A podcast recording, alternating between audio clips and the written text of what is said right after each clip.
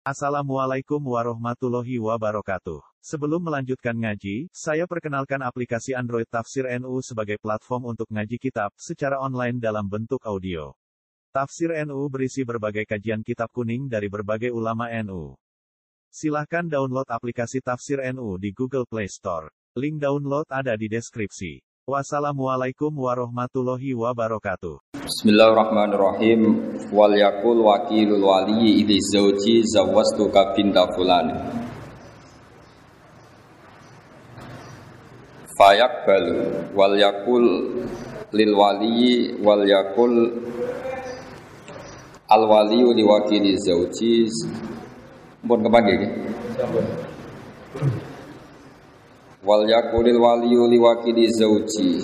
Zawattu binti fulanan. Fayaqulu wakiluhu qabiltu nikahaha lahu. Fa illam yakul lahu wa nawahu lam yasihan nikahu. Li anna syuhuda al mustaratu al mustarata huduruhum fihi kama taqaddam latila alahum alaniyah mau diberikan kau itu terus tenggene kol yubi ini wonten sarah.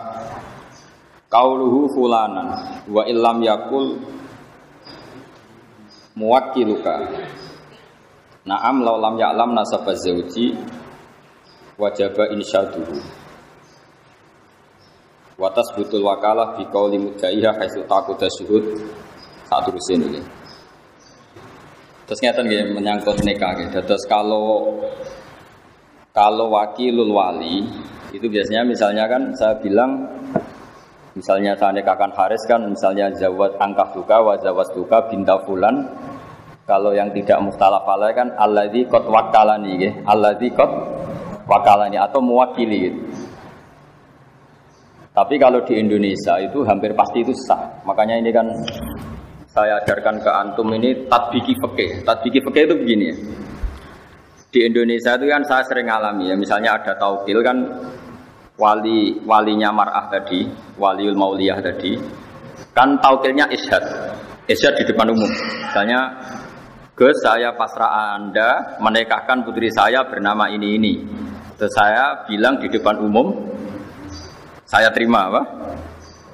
Eh, saya terima perwakilan itu. Kemudian kalau dalam tradisi di Rembang misalnya wali kan terus ke sana gitu. Pokoknya enggak di majelis. Kalau di sini di majelis enggak? Enggak ya? Kalau di biasanya di majelis enggak setelah taukil? Loh, enggak banyak yang enggak di majelis dari Ayo coba yang enggak di majelis ngaco. Enggak setelah taukil itu walinya di majelis apa? Di majelis. Kalau dia zaman lari, kabur. Enggak, apa? Keluar. Oh, ya keluar. Enggak ada di polling, di polling di itu. Enggak ya. Ada yang di majelis. Dari mana teman? Yang di majelis berapa? Ngaco ngaco yang di majelis, yang walinya agak lari. Berapa juga? Dua. dua. Nah ini penting ya, karena nanti turunan hukumnya itu begini ya. Maro'ahul muslimuna hasanan bahwa indawohi hasanun. Karena ini sama-sama resiko, ini saya jelasin. Itu kalau di, di Kifayatul ya, itu kan ada ada satu pertanyaan ya, yang meskipun kitab itu digugat orang banyak. Digugat orang apa? Kan kalau syarat nikah yang pokok kan wali, ya, zaud. Berarti berapa? Dua ya. Terus dua saksi, empat. Berarti aktornya kan hanya empat. Tapi kitab Kifayatul Akhyar itu menyebut entah karena saking simpelnya, entah karena memang itunya menjadikan orang salah paham. Itu kan begitu. Kalau wali sudah memasrahkan ke seseorang, kemudian wa akodal wakil, maka tidak sah. Tidak sahnya itu yang di kifayat lahir maksudnya karena aktornya hanya empat, sekarang yang wali jadi sahih. Berarti sahihnya kan Itu kan jadi masalah besar. Entah saking ikhtiarnya kiai Jawa entah gimana. Walhasil itu karena takut takbir itu wali itu nggak boleh di majelis karena di situ ada ancaman wahadorol wali wa akodal wakil paham sih kalau maksudnya Padahal suratul masalah itu beda dengan yang kita alami karena kita alami itu kan saksi banyak sekali. Pak, ya? Wali wis wong ra kanggo, pokoke wis bar nyekseni ya sudah. Sehingga wali ketika tidak mengatakan saya ini mewakili wali apa wakilul wali tidak mengatakan Allah di kota wakalan itu mewakili ini kan sudah diisbatkan apa? Itu sah karena suhud atau saksi itu kan tahu semua kalau kita ini hanya menikahkan atas nama apa? Tapi kalau kebalikannya, misalnya saya menjadi wakilnya Haris dalam menerima nikah. Katanya misalnya angka buka was begini, terus saya hanya bilang kobil tuh nikah atas wija bin Mari Saya lupa atau sengaja bilang lagu. Maka ini untungnya ulama bilang batal. Gak ada ulama yang mengatakan menjadi milik saya. Sabar apa Yurabi Pak Haris kan. Nah, padahal padahal tadi karena kalau dalam konteks Kobil itu nikah atas ijabi madhuri lagu itu Kalau nggak bilang lagu Untungnya ulama bilang nggak sah Ini masih untung Tidak diputuskan milik wakil Ya ini kan jelas. Fa'ilam yakul lahu wa nawahu lam yasihan nikahu li anna syuhuda al mustarad hudurum bi kama taqaddam latila alagum alan alaninya. Ini penting kolaborakan karena nanti itu eh, dalam teori fikih ya, dalam teori fikih. Ulama itu kelihatan tidak konsisten karena begini maksudnya tidak konsisten. Tapi baik, tidak konsisten itu kadang baik. Misalnya begini, syarat nikah dalam adab sapi itu dua apa banyak? Tidak jauh, kan hanya dua. Tapi di takbir-takbir itu, misalnya seperti ini, lam yasihan nikahu li anna syuhuda al mustarot huduruhum fihi kama taqaddam. Itu li anna syuhud, bukan li anna syahidan, tapi li anna syuhud. Karena dalam madhab malik, ini dengarin ya. Nanti saya bacakan di Mizan Kubro. Tadi saya sengaja bawa kitab Mizan Kubro. Kalau menurut madhab malik, dua saksi itu tidak syarat sahnya nikah. Paham ya? Tapi yang karena pikirannya Imam Malik begini, kira-kira begini. Saksi itu gunanya apa sih? Supaya nggak ada jukut, nggak ada pengingkaran. Oke, kalau sarannya nggak ada pengingkaran, harusnya itu nggak perlu saksi. Yang penting terkenal. Jadi misalnya Haris nikah, dinikahkan wali terus diumumkan di pondok PMH ini. Alhamdulillah sekarang Haris sudah laku. Nah, apalagi bikin surat edaran gitu. Berakhir sudah masa lajang gitu. Atau masa nggak laku sudah selesai gitu. Nah ini penting. Karena filosofi fikih nanti dibalik-balik itu begitu. Ya ini misalnya ini peringatan bagi kita semua. Jadi kalau Imam Malik ini kelirunya orang-orang yang kawin sirri ya. Kadang-kadang pikirannya kalau misalnya dia wakilah sahid itu tidak syarat. Saya ulang lagi ya. Misalnya dalam kitab Kutubul Madzhab al kadang itu kan dipotong. Terus di situ diterangkan wakila syahid itu tidak syarat sah. Jangan kira kalau misalnya Madhab Malik mengatakan syahid itu tidak syarat sah, kemudian ini nggak terganti oleh aturan yang lain. Paham ya maksudnya? Makanya kenapa kiai-kiai kita itu anti talfek, anti intikal madhab. Sebetulnya bukan masalah intikalnya, Nggak ada jaminan kalau kata-kata ini diket atau ditaksir, diiktisor, kemudian tidak ada syarat lain. Ini misalnya saya bacakan. Nah ini supaya kulino saja ya, bahwa apa di masalah-masalah neka itu masalah yang yuftatu fil afdo malah yuftatu fil wiriya lengi lengi yuftatu fil afdo malah yuftatu nopo fil wiriya jadi yang terkait perempuan itu untuk sahnya itu lebih ikhtiar ketimbang urusan yang di lain masalah perempuan ini kalau bocor ya. Ini kitab Mizan Kubro yang relatif setiap intikal madhab itu uh, ada penjelasannya. Wa min dzalika qawlu a'immati salasa innahu la yasihun nikahu illa bi syahadatin. Ma'a qauli malikin innahu yasihu min ghairi syahadah. Memang teksnya innahu yasihu min ghairi.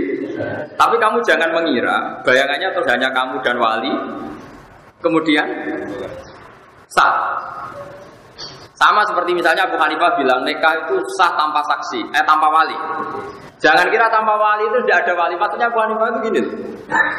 tetap dengan wali, tapi yang penting dia memberi izin, tapi tidak harus dia yang menikahkan, nggak apa-apa perumahnya menikahkan sama orang lain, pasrah orang lain. Sementing walinya memberi izin. Orang kok tanpa wali, tanpa pamit itu enggak.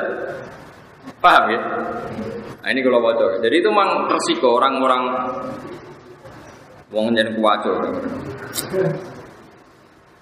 Kalau bocor. Ma'a kauli malikin innahu yasihu min ghairi syahadatin. Illa annahu yu'tabaru fihi al-isya'atu wa tarku taradi bil kitman. Hatta lau aku da sirri atau lau aku da sirri wastara atau kitmanan nikahi fusiho indah. Jadi kata Imam Malik, nikah itu nggak usah saksi, tapi cukup isya. Makanya nikah kayak di Indonesia itu mesti sahnya. Karena misalnya syaratnya dua saksi itu adil, misalnya syaratnya dua saksi itu adil. Ternyata dua saksi itu tidak adil.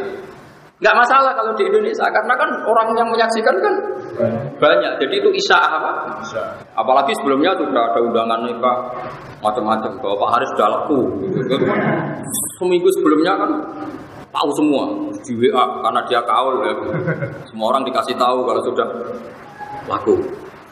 Itu itu nggak harus adil karena kata Imam Malik kata beliau yuk baru fihil isya apa Isya itu terkenal dari kata sya'a, nama Sya'a itu mana nama? Terkenal kayak ayat innal ladzina yuhibbuna al fahisha. Fahisha menjadi terkenal. Juga boleh. Nah, terus sekarang kan dua saksi itu fasik. Kata Imam Malik boleh, kata Abu Hanifah boleh, kata Imam Syafi'i enggak. Dua saksi itu harus adil. Wa amal fasikoni fa innahu yahsulu bima al isya'atu bin nikah.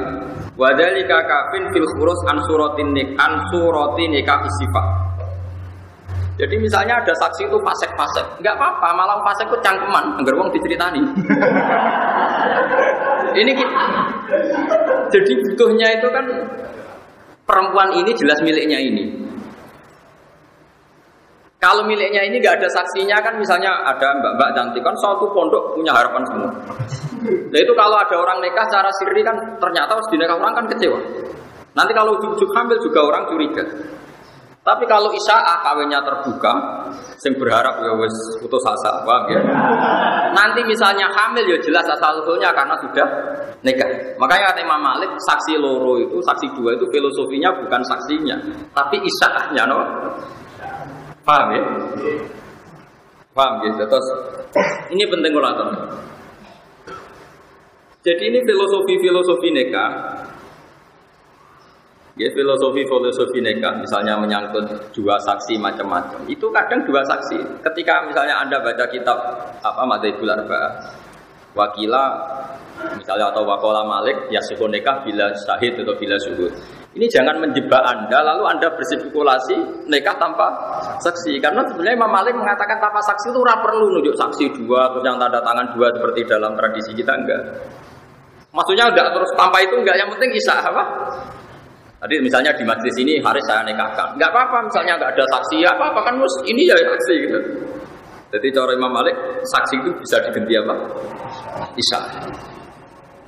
Makanya kenapa kiai kiai itu mati-matian melarang santri sinau fikul madzhabil arba.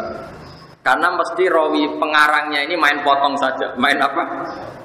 Ketika Imam Abu Hanifah mengatakan bila waliin, itu maksudnya bila wali yang mengijabkan, bukan berarti tidak mensyaratkan izinnya wajib. Paham? Jadi ini masalah-masalah yang apa? Anak-anak Mahat Ali itu harus tahu. Jadi itu ya jadi apa? Masalah-masalah seperti ini kita harus harus tahqiq ya. Terus sekarang ini yang khas-khasnya orang alim ya. Kamu juga harus tahu. Misalnya ada suratul masalah. Ini dengerin ya. Wali menikahi mauliahnya. Ya. Wali harus menikahi yang dinikahkan. Mungkin kalau pakai pakai anak-anak yang masih ngaji pakai belum panjang kan kayak mokal. Karena berarti wali itu kan bayangannya orang kan bapak. Masa bapak menikahi putrinya? Kan tidak mungkin. Tapi sampean kan Isma Ali ada saja wali yang nanti itu menjadi suaminya yang di waleni yaitu tadi misalnya bapaknya mati kan ditimbah. Rata-rata mbah mati tanda. Mati kan? Itu kalau bapak mati, mbah mati kan diganti akun sakit. Masih haram lagi kan? Tapi nanti kalau akun sakit ini mati diganti apa? Ibnul A. Berarti Ibnul A sama yang diwala ini kan misanan. Paham ya? Berarti mungkin saja ada suratul masalah di mana wali ini calon zawat. Paham ya? Ya coba yang wali bapak bapak oke, nah bapak kan jelas gak mungkin nikah sama putrinya. Mbak, tidak mungkin. Sekarang coba bapak kalau mati diganti siapa? Mbak, tapi nggak boleh kamu bacakan mbak kriminal, harus dibacakan abul ab apa? Karena kalau kamu bacakan mbak bisa mbak dari ibu. Ini tidak wali, harus detail ya. Bapak dan jat ditekoi ini jat maknanya abul ab.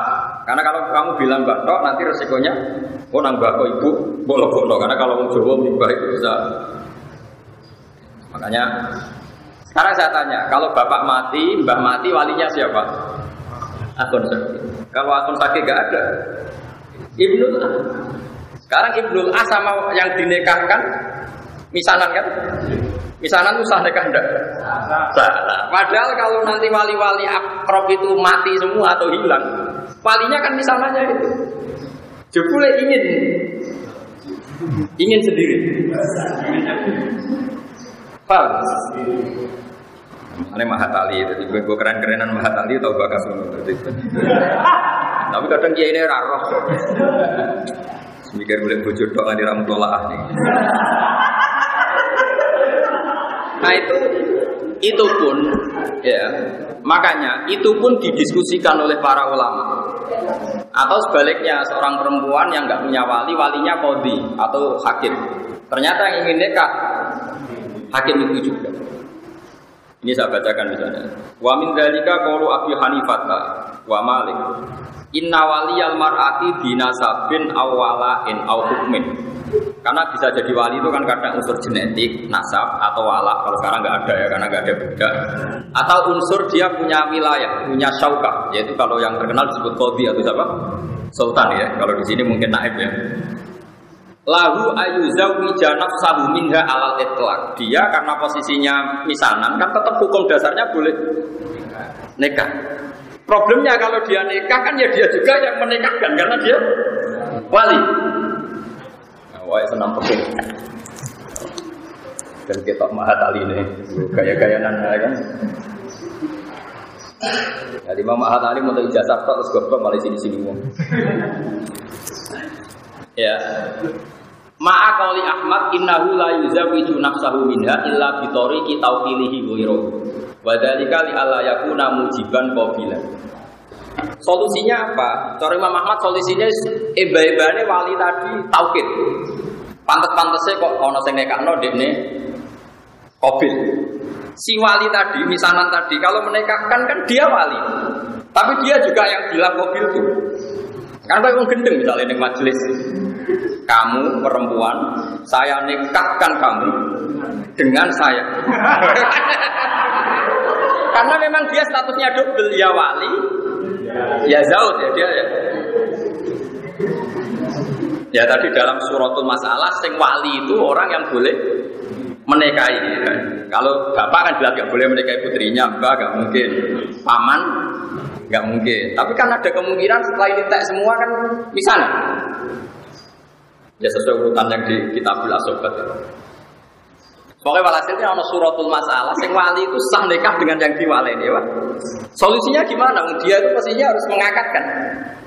Tapi dia juga kobil penerima nikah.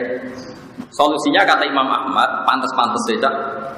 Jadi ya bilang gini, misalnya saya ya bilang, "Res, aku akad no." Dan yang punya otoritas tauhid memang saya, karena saya ini wali. Tapi nanti saya calon kobil, calon penerima. penerima. Makanya ini solusinya kata Imam Ahmad, Innahu la yuzawwiju nafsahu minha illa bi tariqi tawqilihi ghairahu fi dzalik li alla yakuna mujiban qabilan. Tapi kata Imam Syafi'i, wa ma'a qauli Syafi'i innahu la yajuzu lahu qabul bi nafsi.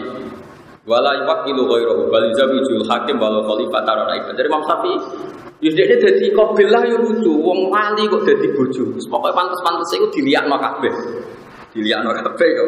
Dadi wali yo di pasrahno. Engko dekne koboni kobulun nikah yo di pasrahno. Dadi bebo penonton terus untuk bojo ngono.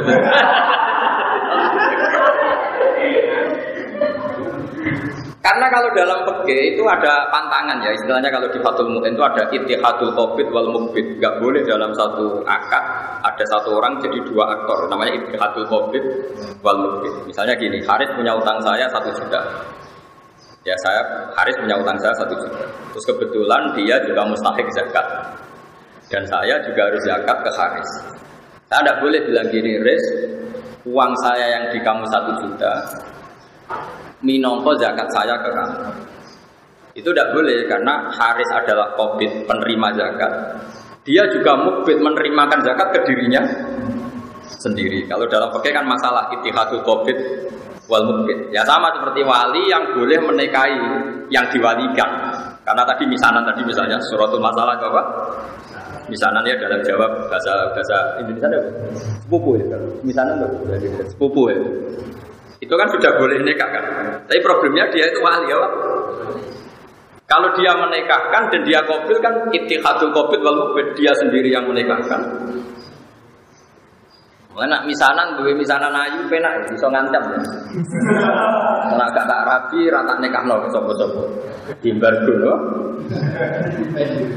Ya. Tapi di fikih itu gampang. Kalau wali tidak mau menikahkan perempuan yang ingin nikah, apalagi perempuan tadi sudah akilah balighah dan menunjuk lelaki yang disenangi. Itu kalau wali menolak disebut wali adil. Kalau wali adil itu sulibati wilayah hak walinya di jejak. Jadi itu masih ada peluang. Jadi ini kalau ngancam dibalik diancam. Nggak apa-apa malah wali kamu bilang nggak kabur. Jadi itu ya ini penting ya ini peke-peke yang harus anda ketahui Terus ini ada masalah-masalah yang apa yang harus diketahui juga ini yang sering terjadi di Indonesia. Ya, ya semoga ya ini meskipun kasus tapi harus dipelajari. Kan banyak juga kita ini sering ngadepi masalah di mana orang yang saya kecelakaan. Jadi sebelum nikah sudah hamil. Itu sampai sekarang jadi perdebatan. Ya sebelum nikah sudah hamil. Itu baik di yang menghamili maupun enggak. Itu ada idah apa enggak? Saya ulang lagi ya. Kalau dinikahi orang yang menghamili atau tidak itu perlu idah enggak karena posisi apa? Kecelakaan hamil posisi menghamil. Nah, karena perdebatannya ulama itu satu ketika ada ayat wala tangiku mana kaha aba hukum minan nisa ilama salah. Itu nikah maknane akad apa nikah maknane wati? Wati itu hubungan intim. Kalau selain madhab syafi'i mengatakan nikah di situ maknanya baik nikah sah maupun nikah atau wati.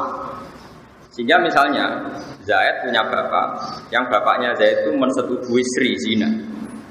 Itu Zaid itu nggak boleh menikahi Sri karena Zaid ini dianggap juga anaknya Sri. Karena selain madhab syafi'i kalau maknanya gini, kamu jangan mewati orang yang pernah diwati bapak kamu. Sehingga memasukkan zina memasukkan nikah sofi jadi nikah sofi yang masuk itu nikah zina apa? Zina juga. Tapi kalau madzhab sapi tidak nikah itu kalau tidak sofi atau hubungan intim kalau tidak sofi itu gak mutabar apa? Gak sehingga ini agak dianggap hamil.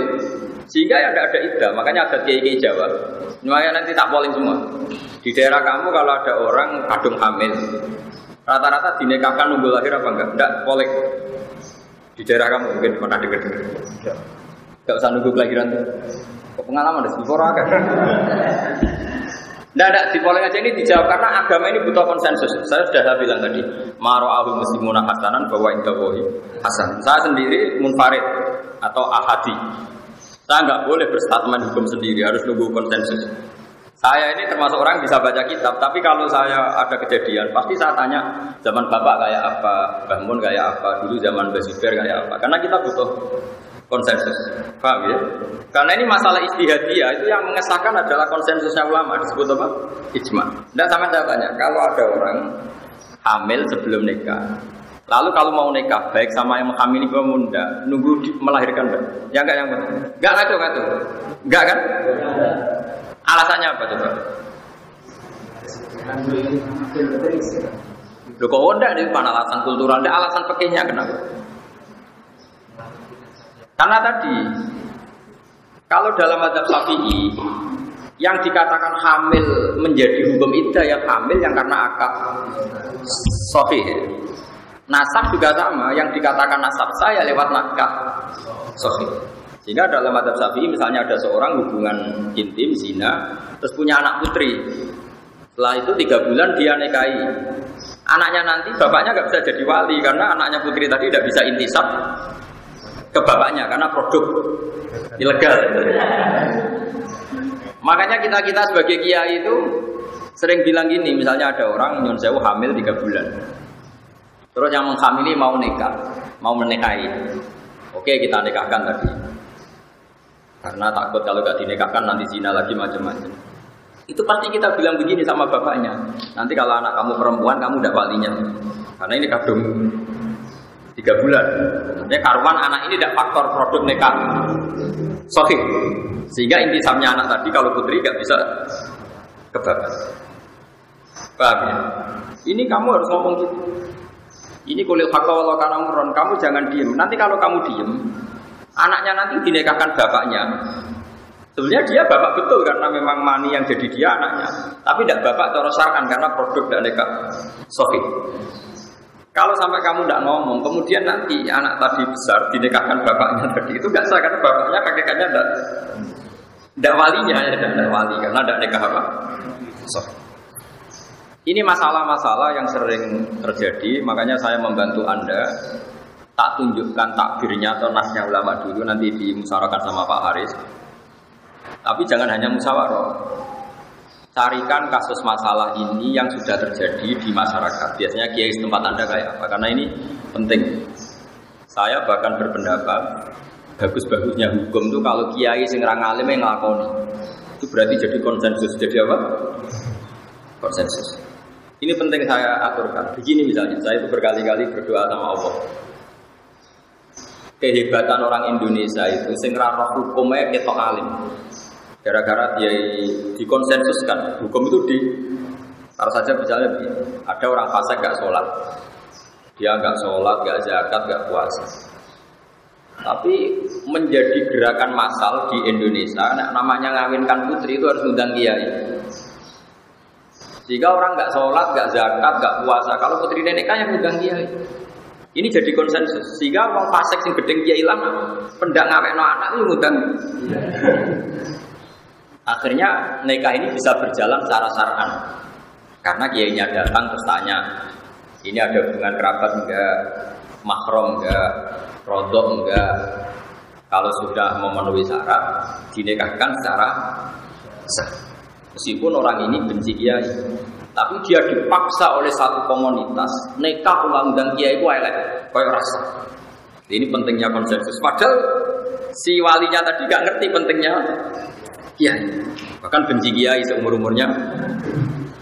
Nah menurut saya dalam konteks seperti ini kiainya wajib datang. Karena dengan dia datang berarti nikah yang terjadi adalah syar'i. Begitu juga saat tadi ngaji di Bojon apa di Jepara sama Bujobur tadi. Hukum itu contoh gampang tuh orang mati. Saya contohkan saya ngaji di mana-mana tak contohkan. Orang minum atau minum oplosan terus mati. Bapaknya ya pasek, peminum, anaknya pasek, peminum, mati minum oplosan. Jadi konsensus, pokoknya kudu ngundang kiai. Sehingga si mayat yang oplosan pun kita solati, kita kapani, kita mandikan ala Islam. Karena harus jadi konsensus, wong pasek lah itu butuh perlakuan seperti itu itu butuh ya maksudnya. Ini penting harus kita pertahankan. Jangan sampai nanti orang fasik punya model sendiri dalam menyelesaikan jenazah. Karena karena orang soleh tidak mau datang, terus orang orang fasik punya tandingan kayak dia jenazah. Saya kalau mati ya tuh ini arah. Terus pinggirnya orang ceki. Makanya menurut saya orang fasik pun kalau mati kamu harus tahlilan. Terus geremeng-geremeng tadi. Bagaimanapun ini menetapkan tradisi. Kalau sampai kita tidak mau tahlilan hanya karena dia mati bunuh diri atau mati apa tadi itu oplosan. Nanti kalau nggak ada tahlilan mereka bikin tandingan tradisi yaitu Kiai Rasul Nahlili yang wis tangguh cekit tangguh remi. Nanti kamu yang salahkan Allah karena tradisi yang sudah benar, yang orang fasik pun melakukan, kamu tidak mau hanya karena risi mayatnya itu fasik. Makanya saya lagi-lagi butuh konsensus. Kita ini sebisa mungkin hukum yang digandaki Allah dan Rasul jadi konsensus. Hatta alal fasik. Sampai orang fasik pun terpaksa dengan tanda kutip terpaksa melakukan itu. Itu juga yang digedaki Allah ikhtiar tauan al Kalau ada hukum Allah itu harus terjadi. Tauan al Baik kamu suka ataupun enggak suka. Orang fasik itu enggak suka kiai. Tapi di Indonesia itu alhamdulillah kalau nikah maupun mati itu butuh. Tetap kadang kiai ini kalau khawarit mutung mat. Wah, urip itu gedeng kiai, ono adzan nyetel dangdut kon nyolati sorry. Ini rodok geblek ya seperti itu, tidak boleh. Kita nyolati itu bukan demi mayitnya, demi kelangsungan tradisi Islam merumat jenazah. Paham ya? Karena kalau kita tidak nyolati, kemudian mereka punya tradisi sendiri, kita malah repot. Paham sih kalau maksudnya? Terus kedua, kalau mayat ini mati karena oplosan, terus kamu membaca sholawat dalam tahlil, membaca la ilaha illallah. Saya sering ditanya Kiai, tetap yang untung kamu. Kan hadisnya man sholla alaiya wahidatan shollallahu alaihi asal. Siapa yang baca sholawat saya satu diberi sholawat Allah sepuluh. Sekarang yang dapat pahala itu yang baca sholawat apa mayatnya? Yang baca kan. Masa kamu ngamal soleh rugi? Mangkola ilaha illallah dari dapat jannah. Yang baca la kamu apa mayat? Kamu kan ngapain kamu rugi? Masa ibadah ngerosok?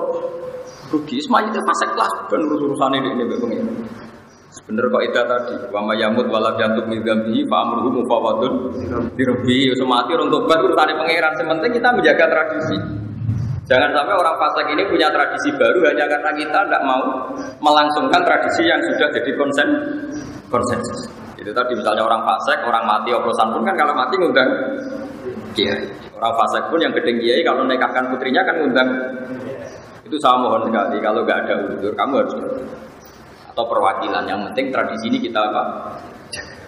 Bukan karena faseknya tadi, tapi kan nanti ilahi kalimat ilah tadi, aturan-aturan Allah yang kita karena sekali dalam kebiasaan jenazah ngomong alim nggak mau datang, mereka kan orang-orang fasik, pasti punya tradisi tandingan.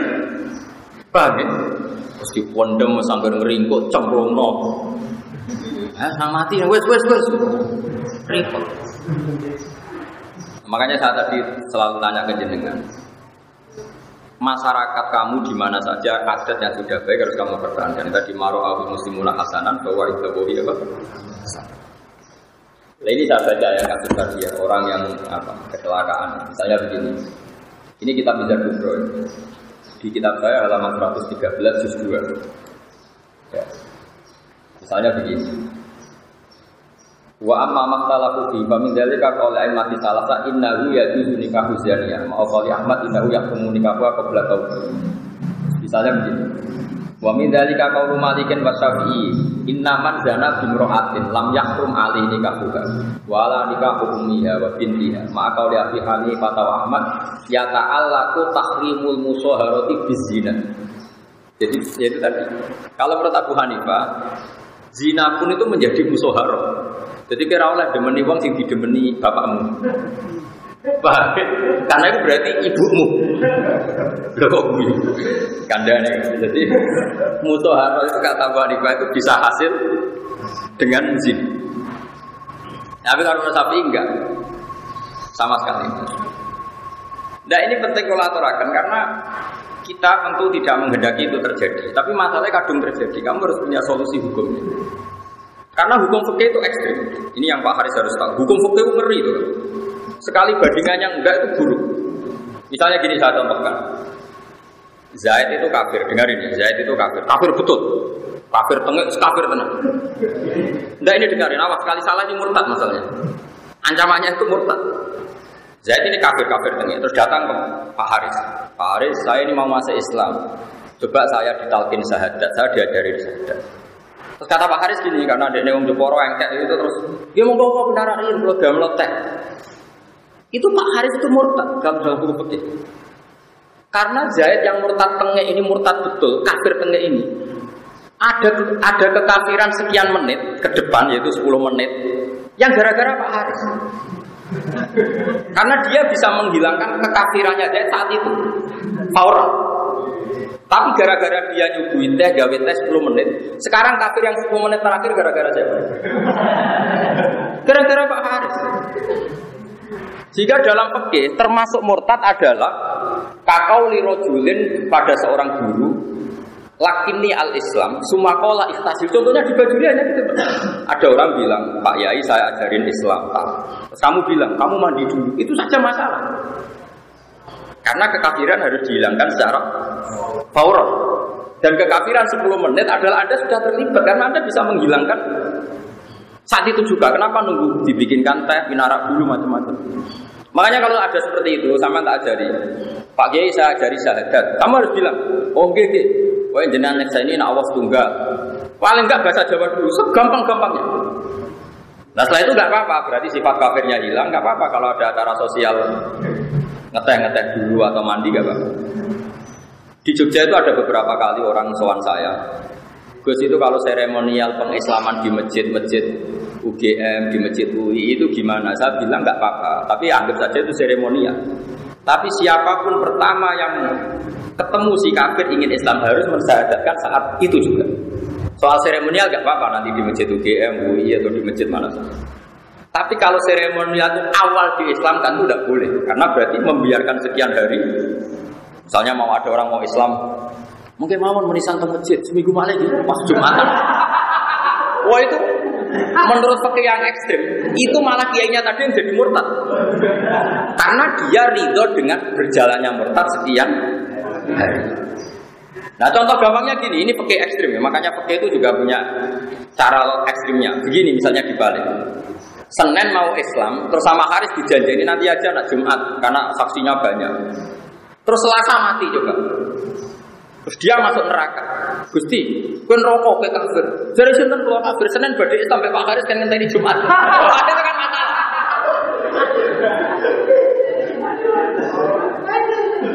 Paham ya? Loh, saya pernah ngalamin tuh. Saya tuh mau jamaah asar. Ini kisah nyata ya. Saya mau jamaah asar. Ada orang soal saya, Gus anak kalau nikahkan karena kerja di Malaysia. Saya takut macam-macam. Gus ini mumpung di rumah. Oh, oke. Okay. Saat ini ini kalau sholat asar, kalau pas mau komat, ya kalau sholat kan sering malam, mungkin gak dasar kalau ini. Buat terus dia seminggu seminggu malam, wong dereng persiapan macam-macam. Oh, kurang kalau seminggu Nah saat ini kalau nikah anak buatan buat. Mungkin soal PPN macam-macam telepon kalau kan Jores pak anak kiai nak omong kan mati jadi uang wedi. Jadi kiai nyorok kayak konon itu repot. Karena pikiran saya sederhana. Kalau tidak saya nikahkan saat itu, kemudian nyuwun saya kalau dua sejoli ini punya adat nyuwun saya misalnya punya adat zina, misalnya, jadi ini bukan nuduh misalnya. Zina yang kemarin-kemarin itu tidak tanggung jawab saya, tapi kalau zina malam nanti, Paham? Makanya kalau ada kasus seperti itu saya harus melakukan faur. Paham ya? Sepuluh dari persiapan gampang pak, penting akad sih. Enggak, acara seminggu kas kok. Akhirnya dia siap. Ya. Karena tadi logikanya, kecuali orang ini terbukti sholat ya, mau SMS-an Ya kan kecil orang ini kan ketoro. Makanya kayak Pak kayak Pak Harisa tidak mendesak menikahkan kan nggak mungkin zina. Akhirnya keterusan. Sebetulnya Pak Haris bisa ngancam saya, awas bisa gak boleh kamu bahaya loh. Oh itu harus saya akankan sekarang. Justru karena sholat itu kita nggak usah kesusu. Jadi fakih itu punya logika yang ekstrim. Nah ini yang anak-anak matali harus tahu, paham ya? Kok jangan nuruti hukum kultural. Gak pantas langsung nikah keluarga orang teko. Mosok wong kafir be Islam radi sugoi tes. Tidak bisa seperti itu. Pakai akal. Nah pas Habib Subita terus wongnya mati. Statusnya mati kafir apa mukmin? Kafir. Itu sebabnya ada mukmin karena siapa? Saya kalau ngaji di Jogja, itu banyak dosen-dosen tertawa-tawa gara-gara tak contohkan gini. Dalam proses ekstrim atau emergensi itu tidak ada status ideal gak ada. Yang ada itu harus dilakukan. Itu ibarat gini ya, saya seorang dosen atau kiai pas katoan cekak, nggak pakai baju. Terus ada orang jatuh di tengah jalan, yang di situ lalu lalang mobil banyak. Kan nggak boleh atas nama emergensi nulung si kabinet si mulai. Katoan cekak lah paribasannya harus kamu langsung nolong karena kalau nggak langsung nolong nanti kalau di lindes mobil salah kamu, kamu punya kesempatan nyingkir no, dah kamu nyingkir no. Mau dari rapan sahurung kelambinan.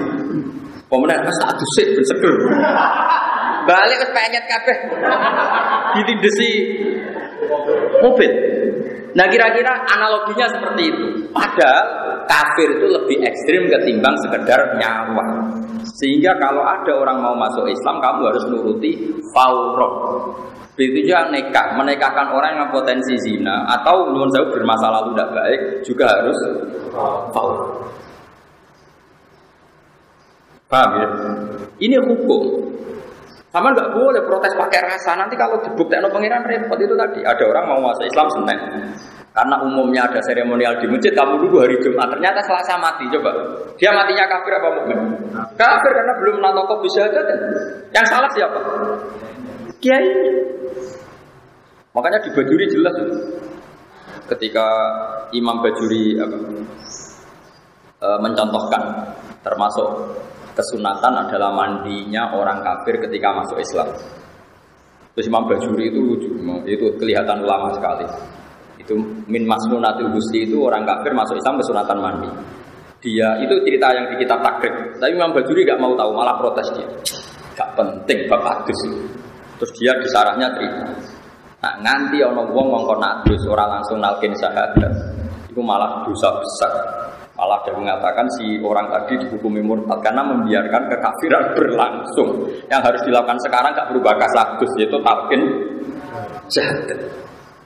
Karena urusan adus, teh, barang nyubu itu urusan ideal itu pada ada orang kecelakaan di jalan, yang di situ banyak kendaraan, terus hanya karena kamu nggak pakai baju, terus kamu merasa nggak nyaman, pulang dulu pakai baju. Paham ya? Terus kembali sudah ke pelindes. Kamu termasuk pembunuh enggak? Termasuk penyebab kematian sama. Mau Islam Senin kamu biarkan nunggu Jumat seremonial, Selasa mati. Kafirnya tanggung jawab siapa? Makanya kenapa saya ngajar fikih di sini? Fikih itu ada beberapa hukum yang ekstrim. Dan itu kita harus tahu. Makanya kita kita latih fikih-fikih yang ekstrim. Karena logika yang terbangun memang harus seperti itu, tidak ada pilihannya.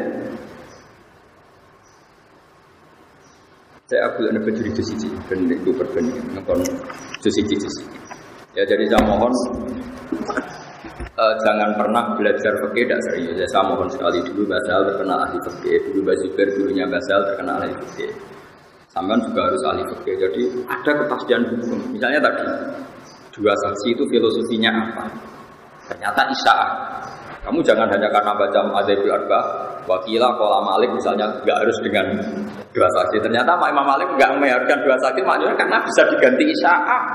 Padahal kalau isyaah malam lebih melebihi dua saksi. Paham ya? Makanya kenapa kiai-kiai melarang intikal pada Sebenarnya bukan masalah intikalnya. Pasti ada beberapa masail atau beberapa syarat yang nggak ditulis. Karena perawi madzhabil arba itu hanya mencomot-comot. Nah, padahal yang nggak ditulis itu menjadi syarat pokok. Paham ya?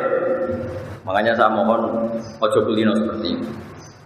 Kalau teruskan lagi, tapi saya mohon ini dimusyawarahkan lagi sama Pak Haris sama teman-teman karena tadi saya butuh konsensus. Saya lagi saya butuh konsensus. Nah terus kemudian ada orang yang hamil begitu ya, terus kemudian harus dinikahkan. Itu kata wa ma'akal Abi Yusuf ingkanat hamilan haruman nikah hatta doa wa ingkanat hailan lam yakhdum walam tak tadga. Nah, ini kilafnya ulama. Tapi kata kata kitab Mizan Kubro ini wa wajul afali ifta'un nabi sallallahu alaihi wasallam bihil lidzalik wa qala qad kharaja min sifatin ila nikatin bab alif salat al musnad baru usul wajib alif salat al Ya, ini terus ketika ada kejadian seperti itu dilaporkan Nabi, Nabi jawabnya qad kharaja min sifatin ila nikatin. Jadi ada orang biasa nakal itu ya kumpul kebo misalnya. Terus ada masalah gitu sama sahabat entah siapa dinikahkan sama sahabat tadi. Nabi komentari atau ngendikane kot soro jamin sifahin ilan. Kalau saja misalnya ada orang biasa kumpul kebu malam Senin kumpul kebu malam Selasa kumpul kebu.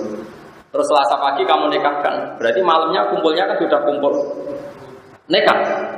Makanya pernikahan ini atau menikahkan itu adalah berarti kot soro jamin sifahin ilan. Berarti dia sudah keluar dari tradisi zina. Sifat itu tradisi apa? Zina ilan. Karena meninggalkan zina itu tradisi yang luhur sekali. Coba zaman kalau baca tiba berjanji, Rasulullah itu dipuji apa? Bahbahnya Rasulullah itu tarakus sifa apalam yusibum aruhu min adami wa ila abi wa umi. Tradisi pokok suku Quraisy adalah meninggalkan berzina. Abu Jalal melihat kepala Abu Gak seneng sih. Makanya suku Quraisy itu meskipun lah itu tetap mau. Tujuannya ada tapi mau jenis itu. Saya punya bukti sejarah begini, ketika Rasulullah mulai dakwah ilat tauhid, saya ulang lagi, dakwah ilat. Biasanya kalau muda anak-anak itu kan butuh karir. Wong canom pak aneh-aneh itu mesti butuh macam-macam. Apa kata Abu Jahal dan Abu Lahab CS-nya? Muhammad kamu aneh-aneh itu ingin apa tuh? Kalau ingin harta, kita kita urunan. Sehingga dari sekian urunan kamu jadi orang paling kaya. Kalau kamu aneh-aneh ingin jadi pemimpin, sudah sekarang kamu tak pemimpin. Tapi kalau kamu aneh-aneh ini karena ingin perempuan tertentu, kita datangi keluarganya. Lalu kita nikahkan kamu dengan perempuan. Itu bukti bahwa suku Quraisy tidak punya tradisi zina. Sampai zaman belum Islam oleh, oleh bilang sama Nabi, kalau kamu senang perempuan, kita datangi keluarganya. Lalu kamu saya nikahkan. Orang kok, kira senang itu anu tak terlalu doli, tidak ada seperti itu. Lu ini nyata sama dia ditarik-tarik. Ya enggak, kalau sampean lihat tarik kan, kalau kami ingin perempuan, kita kawinkan, zapas nakah, bukan dikawinkan. Makanya sifat keluarga Nabi itu apa? Tarotus sifat falam yusibhum aruhu min adami wa ila jadi nikah itu luar biasa sampai kemuliaan keluarga itu kurangnya tidak tidak sifat.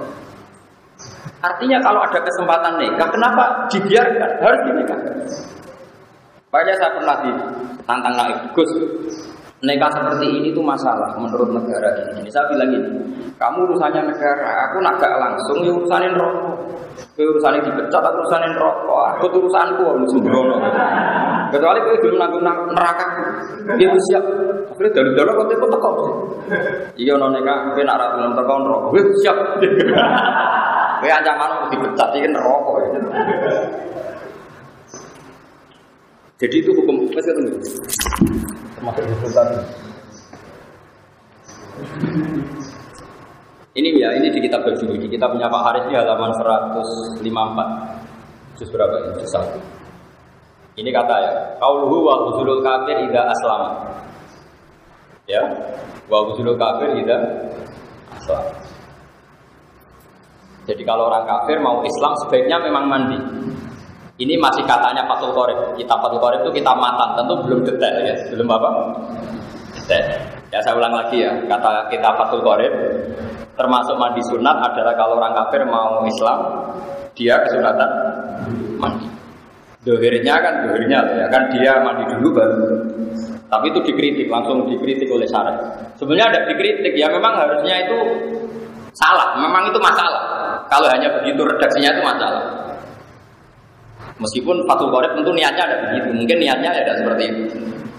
Ya kalau ngarang kitab mantan itu kan resikonya kan takbir sedikit, tapi orang nggak boleh salah paham kan resiko. Hari seneng bapak kalimatnya sedikit, cara hari cukup, tapi ternyata tidak memahamkan. Akhirnya kan gak mayu ragu. Itu resiko matan, oh resiko kitab nopo. Kalau wajah ini jelas sih. Tapi tentu pendapat tadi itu ekstrim, yang saya saya, saya, saya baca. Wa ghuslu kafir ida aslama. Wa law qala wa ghuslu man aslama lakana aula li annal ghusla yadkhulu waqtuhu bil Islam. Sekarang mulai kesunatan mandi itu setelah Islam pas belum Islam? Setelah Islam, makanya Sarah kecewa sama matan. Harusnya jangan begitu. Dia kan mahat ali dari sawangannya iso nyarai kan. Ojo kok maca matane wis keliru waduh. Pokoke aja ijazah harus. Pokoke ambil maca keliru ora usah kayak S1. Nanti saya yang komen. Tapi kalau kiai kan biasanya gampangan apa-apa. Nah, kalau waktu ini kata Imam Bajuri, wali annahu la sabila ila takhiril islami ba'dahu ba'dal muslim. Saya ulang lagi. Wali annahu la sabila ila takhiril islami ba'dahu e ba'dal muslim. Bal sarrahu bi takfiri man qala li kafirin ja'ahu li muslima idhab fatasil cumma aslam. Ini mampu dulu. Saya juga gak senang sama ekstremitas seperti ini gak senang. Tapi kalau di logika masuk akal, masuk akalnya tadi. Kalau kamu mentakhir konadus sebelum yang gede kepleset mati, urung moco. Jaga. Coba yang tanggung jawab siapa tuh? Ya ini. Gawat, mana tuh bodoh, gawat bodoh. Makanya pokoknya Pak Yai kalau warai Islam, oh gini, sampai ngatek-ngatekan. Pokoknya pengiran juga, gini, oke. Terus pokoknya semua ngono lah, harus gak ideal lah. Oh, gini nanti mari zakat. Oke, kawin ya, nanti Indonesia zakat kan pada kawin nanti Islam musik ya. Mau zakat kan kangilan besar. Muni lailo kan keseniatan mawon Pak. Pengiran sitok nggih, nggih, jenenge apa nggih? Muhammad Rasul, nggih wis Islam wis Islam. Asliane dilatih ikutnya terus. Lo ini jelas ekstrim. Tapi saya juga nggak sepenuhnya setuju dengan kitab bajuri. Saya tidak akan menghukumi orang lain kalau dia kafir karena menunda keislaman. Saya ulang lagi ya. Saya sebagai pribadi, saya murid bangun, murid kiai kiai, murid bahasa murid kiai kiai yang punya kearifan. Saya tidak akan mengkafirkan orang yang menunda keislaman orang kafir. Meskipun di kitab ini begitu. Tapi kita ngerti ini untuk kita tidak melakukan Jadi kita tidak penting lah hukum orang lain itu tidak tidak penting. Alih karena nafsak melawan mikir orang lain. Tapi kita tahu logika itu memang masuk akal. Terutama kalau ada kejadian di luar rencana kita tadi. Mbok kono terus jebule kepleset mati. Kue ono wong kecelakaan di geratan, kue kelambinan sik kelindas truk. Mestinya kayak katoan cekak lah harus langsung di pinggirkan karena ini fauron apa? Fauron. Harus foto harus menjadi saksi. Di anak ulah sabila ini harus saksinya dua. Bang kalau kita wali anak ulah salah Sabila ila takhirul Islam Coba Kalau ini kalau begitu nak salah itu. Ini nak salah langsung tak pecat jadi guru. Apa? Mahal kali wali anak ulah sabila ila takhirul Islam Ba'da Bersarahu bi takhiri man qala li takhiril Islam Ila Islam Yuslimu abu cok Yuslima Aslama itu yuslimu Idham wa tasir itu ma'aslim Ya, ya. Artinya libakoihi alal kufri bitil kalah Artinya ada masa yang dia kafir itu karena salahnya si kiai kan. Artinya kalau bilang Pak Kiai saya ini ajari Islam, terus saya bilang kamu mandi dulu. Berarti mulai mandi dan berikutnya masih kafir itu salahnya siapa? Salahnya kiai. Itu kalau normal gak apa-apa kan beratus lah saya ke urip kena dosa tetap problem nak mati kan makanya saya bilang begitu itu bisa ekstrim problemnya itu kalau berarti mata alal kufri. Kufrinya kiai tadi terlibat ya saya ulang lagi ya. Balsor rohu semoga kitab ini rapati benar tapi kitab ini kitab tenang nih Bal sarrofu bitakfiri mangkola li kafirin jauh yuslima idhab fatasir. Kamu sana mandi dulu, semua aslim nanti baru Islam. Kenapa kok kiainya tadi dihukumi salah besar ini itu kok ia ala kufri tilkal lahdu. Saya bayangkan analogi itu orang kecelakaan itu paling gampang. Kamu hanya pakai katok cekak, ada orang kecelakaan di jalan. Tentu Anda sebagai orang rumah mungkin mau pakai baju dulu. Ini urusan kecelakaan. Pas salin kelambi, kelindes tronton. Padahal andikan sampean langsung mungkin selamat. Bayangkan itu kafiran ya. Kalau bolak balik dengan pasar, saya kan kerja di Jogja. Saya pernah punya teman di penerbitan itu. Dia non muslim cerita ke saya, Pak Firo sebab aku di pekerjaan non muslim di pekerjaan. Karena aku bosmu itu kacau, tapi ya dan dunia ini harus menggoni kan ngomong sholat dulu. Jadi aku kan kafir rapper perlu sholat. Jadi jebule gue tukang jogo. Jadi ini jadi misalnya kok di percetakan atau di penerbitan atau di jalan kok ngomong ketemu sampai konsultasi Islam. Pak Kiai saya ingin Islam. Kapan dia baiknya? Sama harus melatih satu itu juga dengan bahasa paling mudah. Karena kan tidak harus bahasa Arab, semuanya dengan bahasa paling kan mudah. Jiran ikrar nak pangeran ya namanya Allah, ya Nabi dalam Islam Muhammad, ya sudah sudah Muslim. Karena tidak harus bahasa Arab. Lah nanti pas seremonial gak apa-apa. Dua minggu lagi di masjid disaksikan orang banyak. Terus ibu-ibu bahasa Arab macam-macam lah. Semua orang masalah. Tapi penting selesai dulu. Ya sama lah seperti kita nyingkirkan orang kecelakaan di jalan. Orang pulang ke kasur kan. Terus nih selokan lah. Terus orang yang ratan itu. Lah iya kan taruhannya kan. Orang kok kepengen ideal, sih sih boleh nol rajam sih.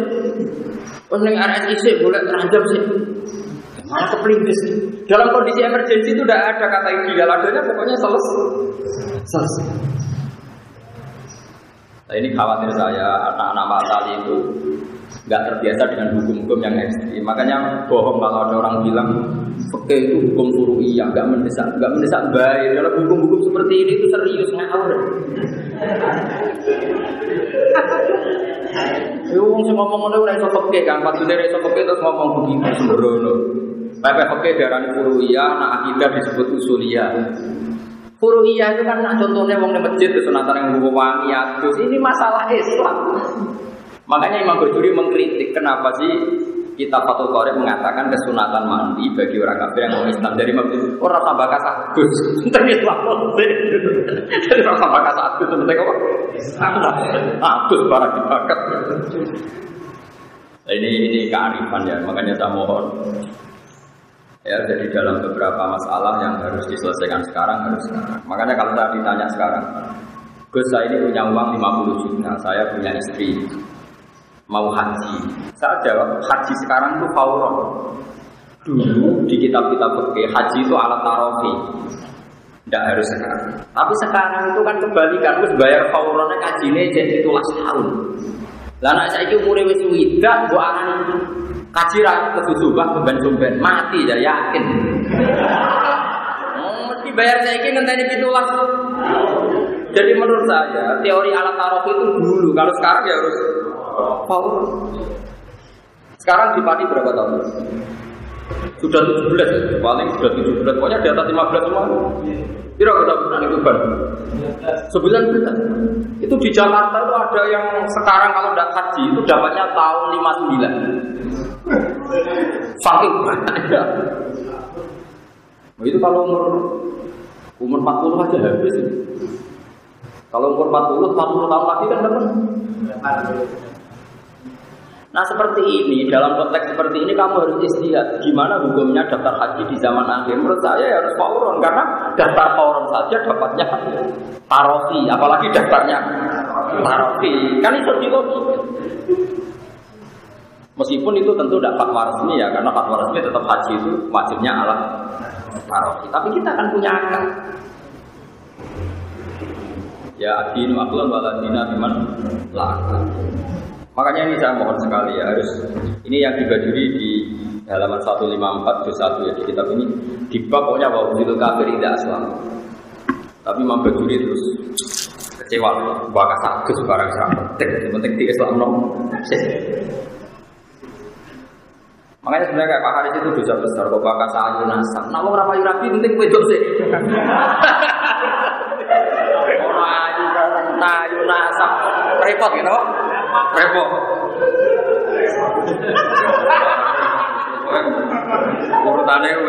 Sesuatu.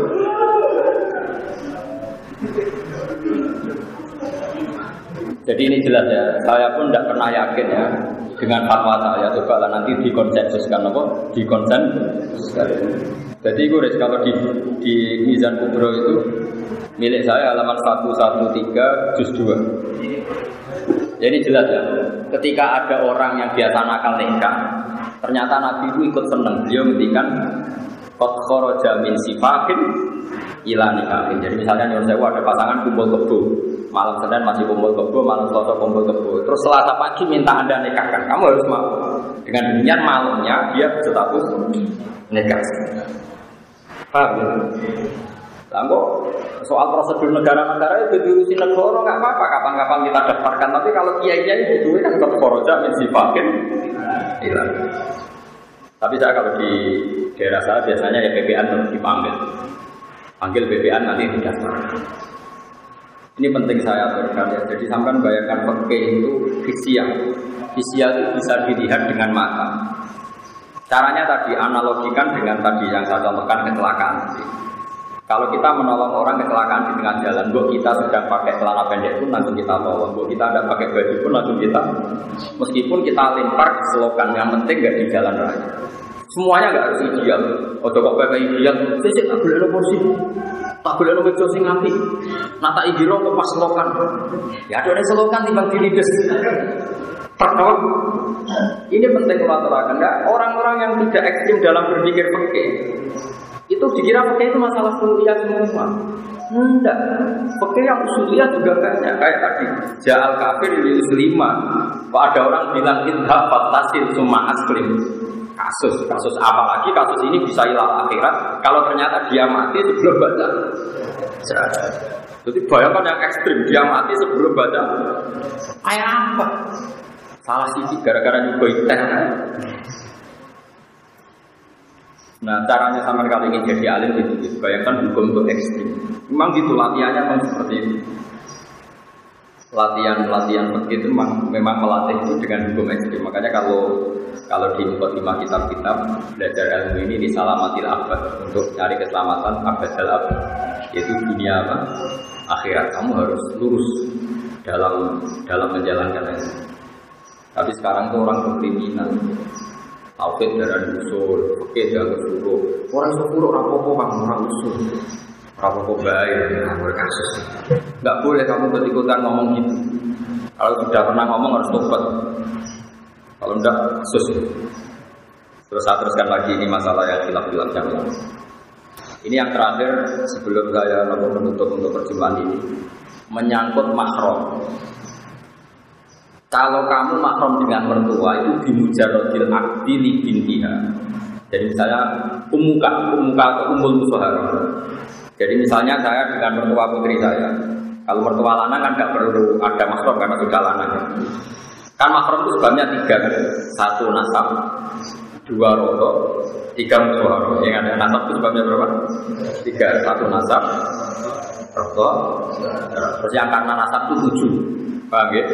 Tujuh diri ke Jawa, lima. Makanya Kiai Jawa gue pinter. Karena Kiai Jawa menghitung ibu, putri, bule, ponaan, ya ibu, ibu, putri, bule, ah, dulur, ponaan. Berarti lima. Jadi kalau dalam Quran itu tujuh. Karena bahasa Jawa itu kan dulure bapak ya boleh dulure ibu. Boleh kalau bahasa Arab kan jadi dua dulure bapak amma dulure ibu. Kola. Terus kemudian ponaan cara Jawa ya satu. Ponaan itu dulur lanang ya ponaan ponaan itu dulur itu nah, makanya jadi lima. Tapi di Arab tujuh ya itu ya? Kurdimat alikum ummahatukum satu. Wa banatukum dua. Wa akhwatukum tiga. Terus wa amatukum berarti bulik dari bapak wa kholatukum bulik dari ibu wa banatul akhi ponaan saka dulur lanang wa banatul ukhti ponaan saka dulur wedok. Kan tujuh. Kalau bahasa Jawa kan mesti ini hilang kan? Ponaan kalau cukup kan? Bulik ya bulik paham ya makanya ke Jawa kadang lebih simpel menghitungnya lima Terus ada nasab yang karena musuharo, ah karena rotukum. Wa ummahatukum allati anakum wa akhwatukum benar Terus ada ketika nasab karena musuharo, baik musuharo ke atas maupun musuharo ke bawah. Ke atas mertua kamu. Ke bawah kamu tidak boleh nikahi mantan mantu kamu. Nah, ya kan berarti ke bawah. Paham ya? Bujone anak, berarti kan ke bawah. Paham ya? Bojone mertuamu ke atas. Terus yang santri-santri Jawa itu janggal karena kesuwen rano wayo. Itu biasanya dipekik-pekik kan gini. Kamu nggak boleh menikahi bojone bapak. Kalau ya ono kadang santri baru tak kok. Ya ora ngarang ibu sih kurang ibu gue bareng. Mereka pikiran ini santri Jawa, bojone bapak itu mbokmu. Nah wong wayo kan orang mesti. Bapak bojone papa. Bojone bapak ora mesti pas ibumu, paham ya? Paham ya? Nanti kena orang ayo kesuwen yo kado hukum perkara. Saya kira salah ayo belum rapi. Paham ya? Jadi haramnya ibu kamu itu haram kurimat alaikum ummah tuku. Tapi nanti dipakai ditambahi wa zaujatul dan istrinya bapak. Kadang santri Jawa pikirannya, bagus istrinya bapak ini orang ibu. Orang blok blok blok. Ibu, ibu ya wes ibu, paham ya? Jadi kalau bapak kamu punya istri empat, yang haram karena zaujatul aktu tiga. Ini atas nama zaujatul. Yang ibu kamu haram karena umuka, apa? Dan tidak iso sing ibumu mbok aran iku zaujatul aktu kriminal ya, Mbok. Paham ya? Tapi berhubung ning Jawa itu kan wis wong bojone mung sitok to. Akhirnya bareng haram rabi bojone bapak. Ya seruan wong pancen ibuku ya ora. Jadi nasi ibumu disebut umuka. Lah wayane bapakmu disebut zaujatul ab. Dulu lo sore sore jawab komen. Mau nak kita ini di rumah pati ya repot. Nah itu aturannya gini dalam ilmu nasab. Kalau mertua ini menjadi mahram di mujarodil akli. Jadi misalnya Haris nikah sekarang, ini kobil itu nikah haha watas bija Saat itu juga mertuanya jadi mahram di mujarodil akli. Tapi kalau kebalikannya Haris nikahi rondo. Kalau nak kesuwen Joko tua ada nggak gini rondo. Nah, itu kalau nikahi rondo, ini putrinya yang perawan tadi menjadi mahramnya Haris nunggu rondo ini dikumpuli. Paham ya? Tidak dimudarodin aktif. Ya itu bedanya ke atas sama ke bawah. Makanya kalau untuk anak tiri ada ayat waruba ibu umulati fi hujurikum min nisa umulati dakhaltum bihin. Masih ada fa ilam takunu dakhaltum bihinna fala junaha Saya ulang lagi ya, jadi kalau kamu nikah rondo punya putri, itu bimujarotil akti putrinya belum jadi mahram, mahram soal ya. Nunggu sudah hubungan suami istri. Tapi kalau nikahi putrinya di mujarotil akti, mboknya ini langsung mahram di mujarotil akti. Ini kalau baca ya, jadi itu kan oke nikah itu mantap. Gak usah dipraktek non nikah, penting ahli pergi. Berapa pak Yusuf? Ittafaqal a'immatu ala anna umma zaujati takrumu ala takbibi bi mujarrodil akdi alal binti. Ya jelas ya. Ya, kita pakol ini kita pakol ini enggak ada film-filmnya. Semua ulama sepakat. Kita pakol a'immatu ala anak umma zaujati ibunya istri takrumu ala takbibi bi mujarrodil akdi alal binti. Paham ya? Dari sekali ngangkati bintin, bintiha otomatis bapaknya apa ibunya? Mahram bi mujarrodil akdi. Nah, paham ya? Lah, wata pakal aimatu itu ala anak robi batal. Anak tiri. Kalau mereka anak walau Kalau yang anaknya istri kamu itu apa? Anaknya istri kamu tapi yang enggak anak kamu. Walau robi. Bahasa Arabnya itu apa? Anak kawan. Anak walau apa anak ilegal? Enggak. Mana bener? Wata pakal aimatu itu ala anak robi batal takrumu bijuhuli bil ummi. Jadi ingat ya, jadi kalau kalau ke atas di mujarabil abdi mertua kamu langsung mahram musoharo. Tapi kalau menikahi ibunya nunggu di duhul atau hubungan suami istri baru. Putrinya jadi apa? Mahram makanya di Quran baru ibu kumulasi fi hujurikum min nisaikum allati taqaltum bihin. Terus fa taqaltum bihinna para junah terus anaknya eh, istrinya anak kita. Wahala itu abna ikumul ladina min aswad istri dari anak kandung kamu bukan anak angkat kalau anak angkat gak apa-apa kayak kasusnya siapa itu kayak masalahnya siapa Zaid bin Harisah Zaid bin kan anak angkatnya Nabi Terus berarti Zainab binti Jafar pernah jadi mantunya Nabi. Tapi kan akhirnya di nikah Nabi itu kan tidak anak kandung. Ya, jadi yang haram itu istri dari anak kandung. Wa itu abna ibu ladina min aslabi. Jadi saya mohon sekali ya teman-teman ya jadi kadang-kadang sama Pak Haris diskusi kita bisa bab nikah karena saya punya kepentingan, punya keinginan Nanti di kampung itu macam-macam, sama harus punya solusi. Kadang-kadang kepeksa nih kepeksa wali, kadang nggak aneh-aneh. Terus di Malaysia ini takbirnya marhalaten apa izin. Wong sekarang bisa dihubungi lewat telepon. Terus kalau izin nanti tahu ke lewat telepon cukup enggak? Kalau terpaksa cukup, kesaksian dalam telepon caranya gimana? Tapi dengan membaca materi tetap nanti ketemu gambaran meskipun dulu nggak ada takbir tentang telepon. Paham ya? Tapi kamu kalau baca terus dan diangen-angen, nanti tetap ketemu jawabannya. Karena ilmu itu gampang. Kalau jadi gawe bangun nang ijazah itu. Bakarin ini hak cara bakarin. Ilmu itu koyo ya koyo rontok-rontok koyo malih koyo wong nakal. Bercekel sing ngaku. Bakarin dulu itu ngutus bangun. Gus itu mulan. Kalau dereng sakit ngaji kan mulan. Gampang Gus kita bukan cekal-cekal ngaku dewi. kita betul berarti dicekelin terus. Ayo ngaku ke macam ini. itu gue nanya itu ala gus kita perlu gampang. Cekal cekal sesuai ngaku ngaku. Aku macamnya faslo aku macamnya yang cekal cekal lotat lotat itu kan lebih mesti ngaku terus gue mau terus bener bagus ngaku. Begini misalnya contoh ya saya ini termasuk pengagum kitab Bukhari ya kitab Bukhari. Saya beri contoh betapa mudahnya istidlal. Mudah sekali istidlal kalau bagi yang sering sekarang itu kalau nikah itu pakai lapat nggak? Enggak jawab saja. Pakai kan? Segot itu lapat nggak? Sekarang tolak itu pakai lapat nggak? Pakai kan? Segot, ya. Sekarang orang yang nggak bisa ngomong, akros. Orang nggak bisa ngomong tuh kalau nikah gimana? Mau nggak bisa ngomong.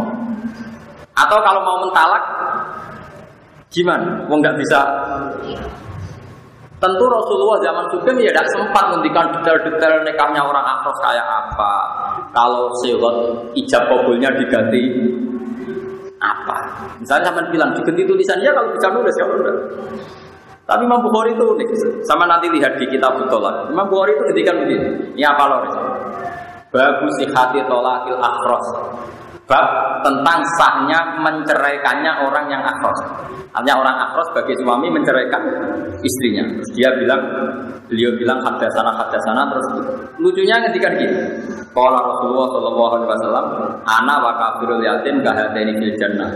Wa asyara ilal musabbihah wa sabab wa asyara ilal musabbihah wa sabab wal. Wes situ. Asyahru tis'un wa isruna wa aqda yadayhi hakadha wa hakadha wa hakadha. Eh wa hakadha. Terus terus gitu. Sholat Aisyah itu data yaumin. Terus ditanya sama orang, Pak nakwa sama. Intinya Imam Bukhari itu cerita. Dulu Rasulullah ketika memberi penjelasan, Ana wa kafirul yatim kahada ini Bejana saya dan para penanggul orang yatim seperti ini nanti di surga. Berarti saking apa? Cedaknya. Paham ya? Terus Nabi pernah ngendikan kemungkinan bulan Komaria itu hakada, wahakada, wahakada. Berarti ada kemungkinan berapa? 29 hari. Intinya begini, Wong Nabi yang bisa ngendikan saja kadang berganti pakai isyarat. Karena isyarat juga mukmimah, juga memberi paham. Berarti kalau isyaratul akhras memberi paham, maka isyarat sah untuk tolak maupun untuk nekah. Imam Bukhari oleh itu paham? Nah ya itu kan tawangannya kan tidak ada kaitannya dengan tolakul akhras itu. Ya sama ngedikan hada, wahakata, wahakata kan tidak ada kaitannya dengan angka 29. Tapi toh orang menjadi pak. Harus saja misalnya Pak Haris di sini, Pak Haris tahun baru bagi wangsul. Pak Haris nggak mungkin bilang tidak, tapi mencurang. Wong mesti sepakat mana itu jangan kan? Berarti isyarat cukup apa enggak? Cukup. Pak Haris Bapak pamit bilang gini, cukup kan? Bapak itu menolak. Kalau sekarang orang tidak bisa ngomong, yang mengganti kalimat adalah Isa. Paham tidak maksud? Artinya Anda jangan berharap semua masail fikih itu ada takbir yang sorry, yang eksplisit. Bila yang miliki akan bisa orang telepon, orang WA Ya tentu takbir WA nggak ada. Tapi kalau nanti Anda menguasai materinya, pasti nanti kamu bisa. Asal menguasai betul. Kayak tadi Imam Bukhari mengatakan bagus di hati tolakil akhrof. Terus yang diceritakan anak wa kafirul yatim kahati ini bejan. Terus asyharu hakada wa Wagada wagada. Wa akoda napa tis'an wa isrin. Artinya Imam Bukhari ingin bilang, wong nabi sing iso ngendikan saja, kadang iktifa ngalap cukup de isyarah yang muf dengan isyarat yang memang. Nah sekarang akras apalagi tidak bisa ngomong penggantinya sifat adalah isyarah.